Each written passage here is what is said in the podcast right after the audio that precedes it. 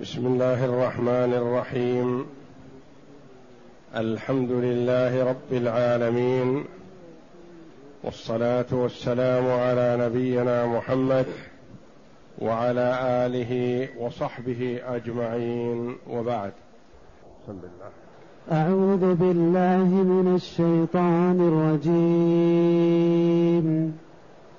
واصبر على ما يقولون واهجرهم هجرا جميلا. وذرني والمكذبين أولي النعمة ومهلهم قليلا. إن لدينا أنكالا وجحيما. وطعاما ذا غصة وعذابا أليما. يوم ترجف الأرض والجبال وكانت الجبال كثيبا مهيلا. هذه الآيات الكريمة من سورة المزمل. جاءت بعد قوله تبارك وتعالى واذكر اسم ربك وتبتل إليه تبتيلا. رب المشرق والمغرب لا إله إلا هو فاتخذه وكيلا. واصبر على ما يقولون واهجرهم هجرا جميلا. الآيات.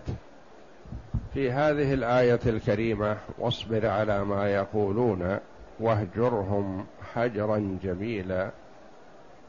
يأمر الله جل وعلا عبده ورسوله محمدا صلى الله عليه وسلم بالصبر كما أمره في غير آية من كتابه تعالى بالصبر. واصبر كما صبر أولو العزم من الرسل وغيرها واصبر على ما يقولون. تحمل ولا تجزع ولا تتأثر مما يقولون فهم قالوا قولا عظيما في حق الله تبارك وتعالى. قالوا الملائكة بنات الله وقالوا بين الله وبين الجن مصاهرة تعالى الله. وقالوا عن محمد صلى الله عليه وسلم الذي كانوا يصفونه بالأمين والصادق قبل أن يوحى إليه. فلما أوحي إليه قالوا شاعر وقالوا كاهن وقالوا ساحر وقالوا مجنون يا أيها الذي نزل عليه الذكر إنك لمجنون. وهو أكمل الخلق عليه الصلاة والسلام. وأحسنهم خلقا عليه الصلاة والسلام. لأن خلقه صلى الله عليه وسلم القرآن. ويقول عليه الصلاة والسلام ادبني ربي فأحسن تأديبي. وتقول عائشة رضي الله عنها كان خلقه القرآن فهو تخلق بما أمره الله جل وعلا به في القرآن العظيم. ويقول الله جل وعلا وإنك لعلى خلق عظيم ما يكون الموصوف بهذه الصفات ساحر ولا كاهن ولا مجنون ولا شاعر وإنما هو أكمل الخلق عليه الصلاة والسلام. وهو عليه الصلاة والسلام صابر عليهم والله جل وعلا يأمره بذلك. فالله جل وعلا يأمره وهو صابر ليثبت على ما كان عليه. واصبر على ما يقولون لا تجزع. واهجرهم هجرا جميلا.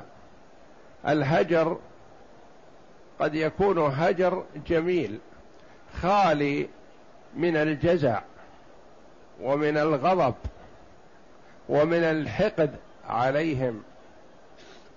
وقد يكون صابر لضعفه وقلبه يغلو عليهم. يكون عنده غضب شديد وحقد شديد عليهم. فالله جل وعلا يقول ليكن صبرك صبرا جميل. فالفرج قريب. والله جل وعلا يأمر رسوله بالصبر والانتظار والمخلوق من عادته يحب الاستعجال لأنه يخاف الفوات يخاف أن يفوت عليه. فالمرء إذا قابل عدوه مثلا يحب أن يناجزه لأنه الآن بين يديه وغدا ما يدري أين يكون. يفوت عليه. قد يبعد عنه. أو يجد من يؤويه وينصره ويحميه عنه ونحو ذلك. أما الله جل وعلا فهو يمهل ولا يهمل سبحانه. يمهل لأن الخلق في قبضته. ما يفلت منه أحد. هو في أي مكان فهو في قبضة الله جل وعلا. والله مسيطر عليه وعلى غيره. ولا يفوته شيء ويعلم حاله ويعلم أجله ويعلم أين يختفي لو اختفى. واصبر على ما يقولون واهجرهم هجرا جميلا لا جزع فيه. أتركهم فأمرهم إلي وعذابهم محقق واقع وإنما عليك أنت الصبر لأنك لا تعلم الغيب ولا تعلم ماذا يؤول إليه أمرهم لأن هؤلاء منهم من يسلم ويكون أخوك وأحب الناس إليك ومن أحب الناس إليك ومنهم من يستمر على كفره والله جل وعلا يأخذه أخذ عزيز مقتدر. وكما قال ثمامة ابن أثال لما من الله عليه بالإسلام بسبب أسر الصحابة له وربطهم إياه في سارية من سواري المسجد النبوي. لما ذهب أطلقه النبي صلى الله عليه وسلم بدون مقابل من عليه عليه الصلاة والسلام ذهب واغتسل. وجاء وتشهد شهادة أن لا إله إلا الله وأن محمد رسول الله. وهو مربوط في المسجد ثلاثة أيام ولم ينطق بالشهادتين. صبر حتى أطلقه النبي صلى الله عليه وسلم حتى لا يقال إنه أسلم لما كان أسيرا لأن عنده عنجهية وعنده آه، رجولة لأنه سيد قومه. ثم قال للنبي صلى الله عليه وسلم الشاهد عندنا قوله والله يا محمد ما كان على وجه الأرض شخص أبغض إلي منك. والآن ما على وجه الأرض شخص أحب إلي منك. فالكفر يجعله يبغض النبي صلى الله عليه وسلم ويبغض المسلمين. والإسلام يقلبه من البغض والكراهية والعداوة إلى المحبة والإلفة والأخوة في الله. فكثير من الصحابة رضي الله عنهم كانوا شديد البغض للنبي صلى الله عليه وسلم قبل إسلامهم ثم أسلموا رضي الله عنهم وأرضاهم فكان عليه الصلاة والسلام هو أحب إليهم من أنفسهم وأموالهم وأولادهم وأهليهم. وكما قال عمرو بن العاص رضي الله عنه كان أبغض إلي شيء النبي صلى الله عليه وسلم. فلما أسلم رضي الله عنه يقول لو طلب مني وصفه ما استطعت أن أصفه لأني ما أشبعت عيني من النظر إليه حياء وإجلالا له عليه الصلاة والسلام وحياء منه. ما أستطيع أن أصفه لأني ما أشبعت عيني من النظر إليه من إجلاله عليه الصلاة والسلام. واصبر على ما يقولون واهجرهم هجرا جميلا.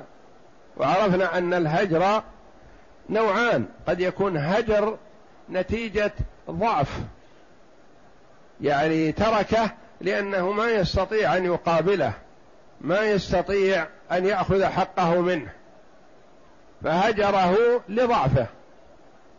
والله جل وعلا يقول اهجرهم هجرا جميلا لا جزع فيه. يقول تعالى آمرا رسوله صلى الله عليه وسلم بالصبر على ما يقوله من كذبه من سفهاء قومه وأن يهجرهم هجرا جميلا وهو الذي لا عتاب معه ثم قال له متهددا لكفار قومه ومتوعدا وهو العظيم الذي لا يقوم لغضبه شيء وذرني والمكذبين أولي النعمة. واصبر على ما يقولون واهجرهم هجرا جميلا. قال المفسرون هذا الأمر بالصبر قبل الأمر بالجهاد قبل الأمر بالقتال. فيقولون هذه الآية ونحوها منسوخة بآية السيف. ما هي آية السيف يرحمكم الله؟ قالوا آية السيف ليست آية واحدة وإنما هي آيات الأمر بالقتال التي منها قوله تعالى أذن للذين يقاتلون بأنهم ظلموا وإن الله على نصرهم لقدير والآيات كثيرة. يا أيها الذين آمنوا قاتلوا الذين يلونكم من الكفار وليجدوا فيكم غلظة واعلموا أن الله مع المتقين. قاتلوا الذين لا يؤمنون بالله ولا باليوم الآخر والآيات في هذا كثيرة. هذه يسميها علماء التفسير رحمة الله عليهم آية السيف يعني الأمر بالقتال. لأن النبي صلى الله عليه وسلم في مكة ثلاث عشرة سنة ما أمر بقتال لأنه ليس له دولة ومعه عدد قليل من المسلمين وهم مستضعفون في مكة. والغلبة والسيطرة والولاية للكفار. فأمر النبي صلى الله عليه وسلم ومن معه من المسلمين بالصبر والاحتمال. فلما هاجروا إلى المدينة وأصبح لهم دولة وصاروا في عزة ومنعة والحمد لله أذن الله جل وعلا لهم في القتال في قتال الكفار ثم أوجب الله جل وعلا عليهم الجهاد. واصبر على ما يقولون واهجرهم هجرا جميلا وذرني والمكذبين. ذرني يعني كل أمرهم إلي. أمرهم إلي. أنا أكفيك إياهم. وذرني والمكذبين أولي النعمة. من هم هؤلاء المكذبون؟ قيل إنهم هم المطعمون يوم بدر في غزوة بدر. المطعمون للكفار لأن فيه عشرة من صناديد قريش أو اثنا عشر تكفلوا بنفقة الجيش جيش الكفار من مكة حتى يعود إليها. كل هذا محادة لله ولرسوله ولقتال المؤمنين. تكفلوا بنفقة الجيش وإطعامهم فكانوا كما ورد أنهم كانوا في كل يوم يذبحون عشر جزر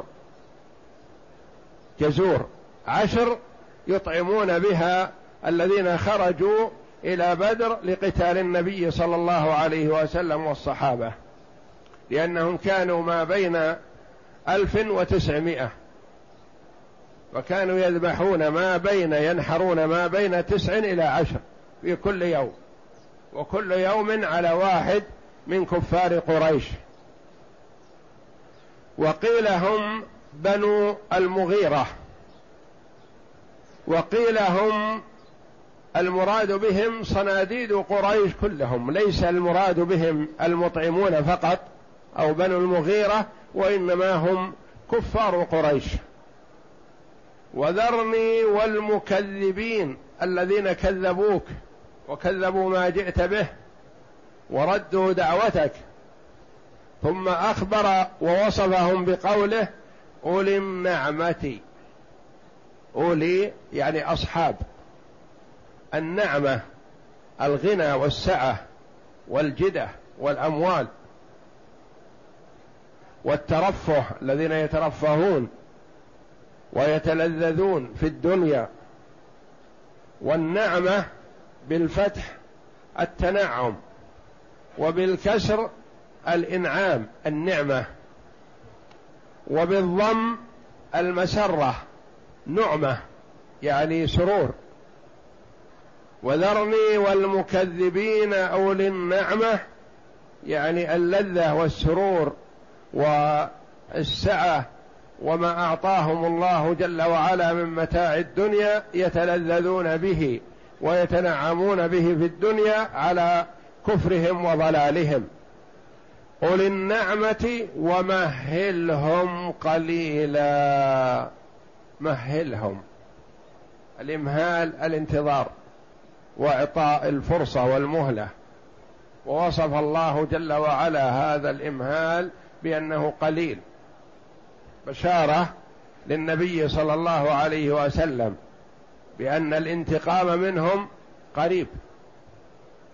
الانتقام منهم قريب فهم يستحقون ذلك. ولكن مطلوب منك أن تمهلهم قليلا لحكمة يريدها الله جل وعلا. وأحكام الله جل وعلا قد يدرك بعضها بعض العباد وبعضها لا يدرك. الله جل وعلا أعلم به. فإمهال الكافر قد يكون لاستخراج نطفة من صلبه مؤمنة. وقد يكون في إمهالهم عن قتالهم بمكة لأن فيها من المستضعفين من المسلمين من لا يستطيع الخروج فأمهلهم الله جل وعلا حتى خرج هؤلاء وبقي الكفار. ومهلهم قليلا قليلا صفة إما لزمن ومهلهم زمنا قليلا أو ومهلهم إمهالا قليلا صفة لمصدر أو صفة لموصوف محذوف. دل عليه السياق ومهلهم زمنا أو وقتا قليلا. تقول عائشة رضي الله عنها لما نزلت هذه الآية لم يكن إلا يسيرا حتى كانت وقعة بدر. وقعة بدر التي فرق الله جل وعلا بها بين الحق والباطل. ونصر جل وعلا عباده المؤمنين وخذل الكفار. وقتل من صناديد قريش سبعون في هذه المعركة. وأسر سبعون أذلاء مربوطين بالحبال يفتدون أنفسهم. وأظهر الله جل وعلا قوة المسلمين فقواهم حسيا ومعنويا جل وعلا وتمكنوا من الكفار على قلة عدد المسلمين. كانوا ثلاثمائة وبضعة عشر. وكان الكفار بالألف أو يزيدون على الألف.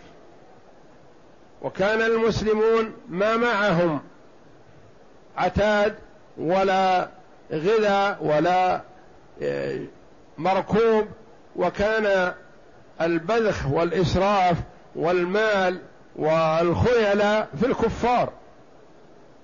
لكن الله جل وعلا نصر عباده على قلتهم ومن نصره الله فهو المنصور وإن قل عدده وقلت عدته.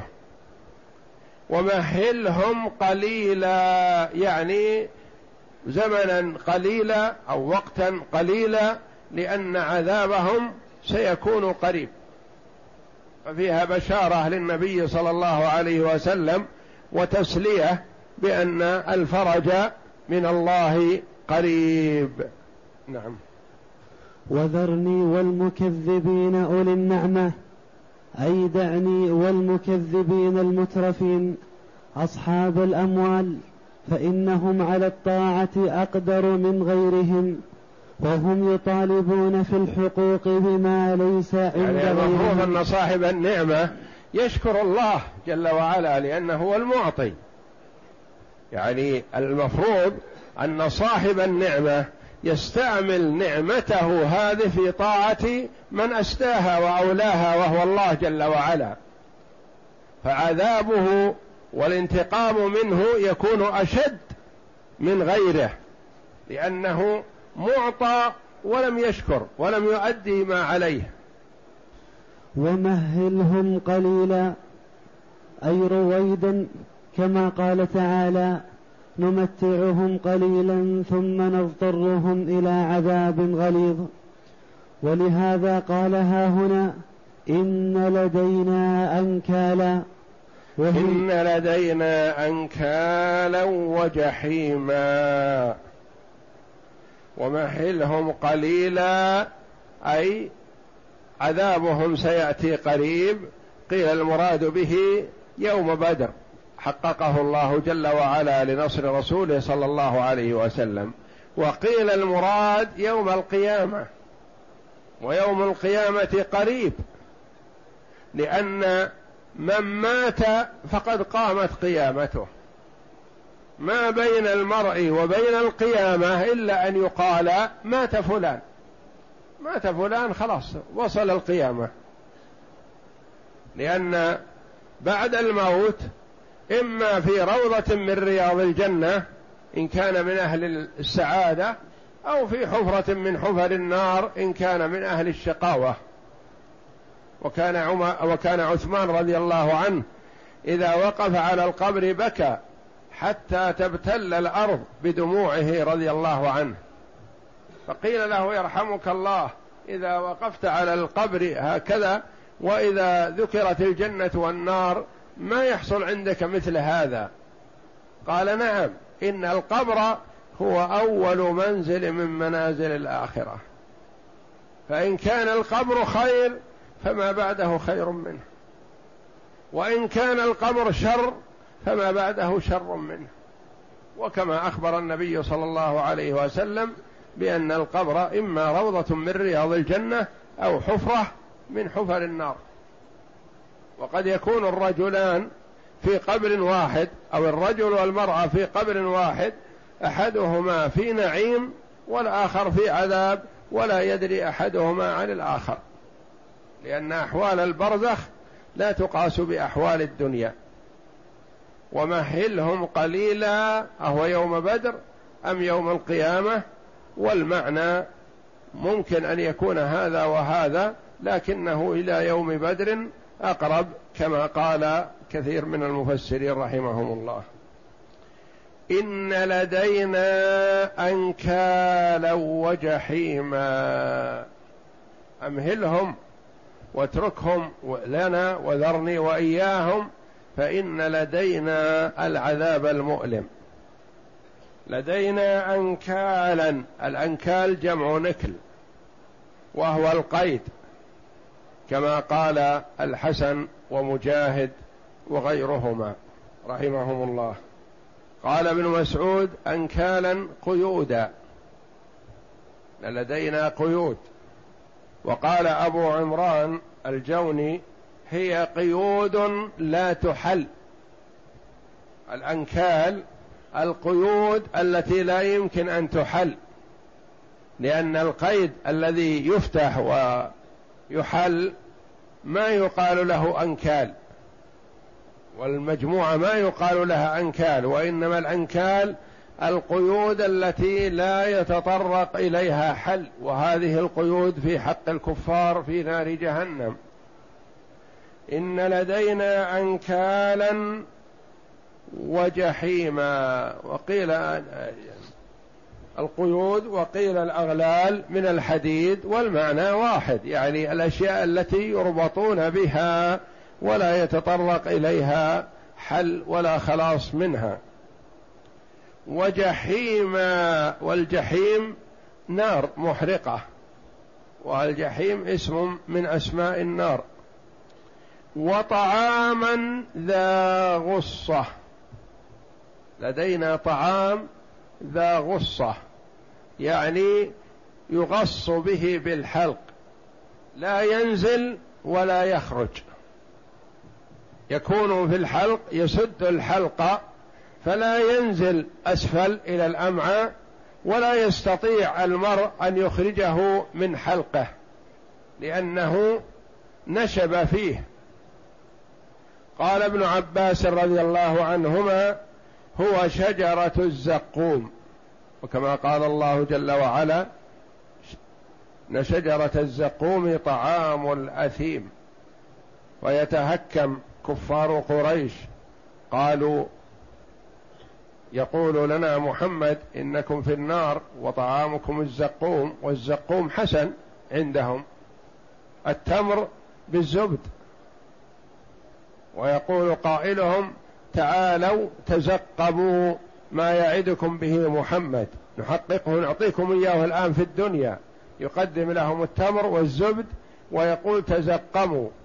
وطعاما ذا غصة وعذابا أليما. الغصة هو شجر الزقوم وقيل هو الضريع ولا منافاة بينها لأن هذا كله طعام أهل النار والعياذ بالله. وطعاما ذا غصة وعذابا أليما. والله جل وعلا يقول ليس لهم طعام إلا من ضريع لا يسمن ولا يغني من جوع. إن لدينا أنكالا وجحيما وطعاما ذا غصة وعذابا أليما. نعم. اقرأ. إن لدينا أنكالا وهي القيود وجحيما وهي السعير المضطرمة. وطعاما ذا غصة. قال ابن عباس ينشب في الحلق فلا يدخل ولا يخرج وعذابا أليما. يوم ترجف الأرض والجبال. يوم ترجف الأرض والجبال وكانت الجبال كثيبا مهيلا.